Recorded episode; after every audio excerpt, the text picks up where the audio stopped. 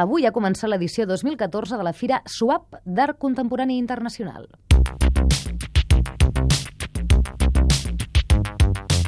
L'Òscar Callau s'hi ha passejat aquesta tarda. Òscar, què tal? Bona tarda. Hola, molt bona tarda. Es fa fins diumenge al pavelló italià de la Fira de Barcelona, a Montjuïc, i com que aquests dies a Catalunya Informació ja hem dit les dades del SWAP, és a dir, 165 artistes, 60 galeries de 20 països, amb una previsió de 15.000 visitants, els sentits deixarem davant dels números i ens centrarem en les imatges. A tu, quines imatges t'han cridat més l'atenció? La veritat és que n'hi ha moltes, perquè hi ha tota mena d'estils i de formats al swap.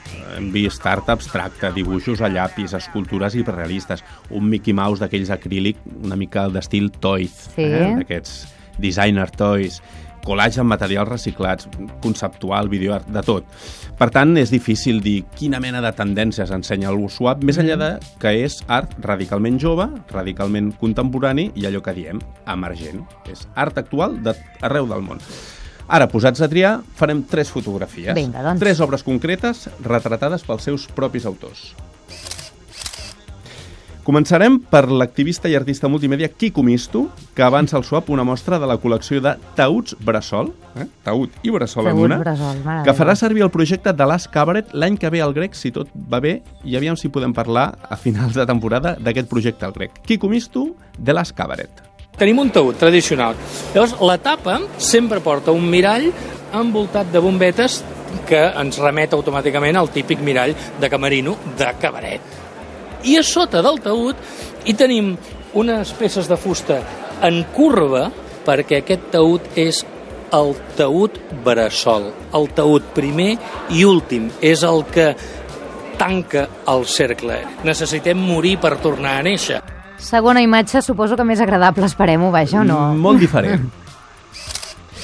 La veneçolana Ana Alenso fa art conceptual i amb un alt compromís polític amb objectes quotidians que de les terres, això, venezolanes. Estamos viendo una herramienta de jardín ensamblada con otra pala que está sostenida en equilibrio en una sierra.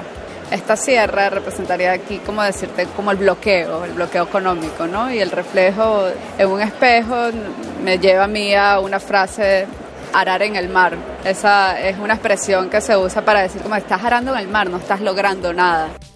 Bé, dues imatges, només per esmentar mm. algunes. Mm, mira, perquè no portava suelto, que si no t'hagués fet un regal. Apa! Sí, hi ha artistes que, com que això és una fira comercial, són molt honestos i admeten que ells més art fan gadgets, allò que dèiem dels designer toys, Sí. i m'ha agradat molt a l'Emilio García. Només et dic que són calaveres glamuroses, Ah. tipus Damien Hirst però en comptes de diamants són de materials no superllampants, no? fluorescents, etc. La pròxima vegada t'ompliré les butxaques abans que marxis. Molt bé. Òscar, gràcies. Ho provarem. Adéu.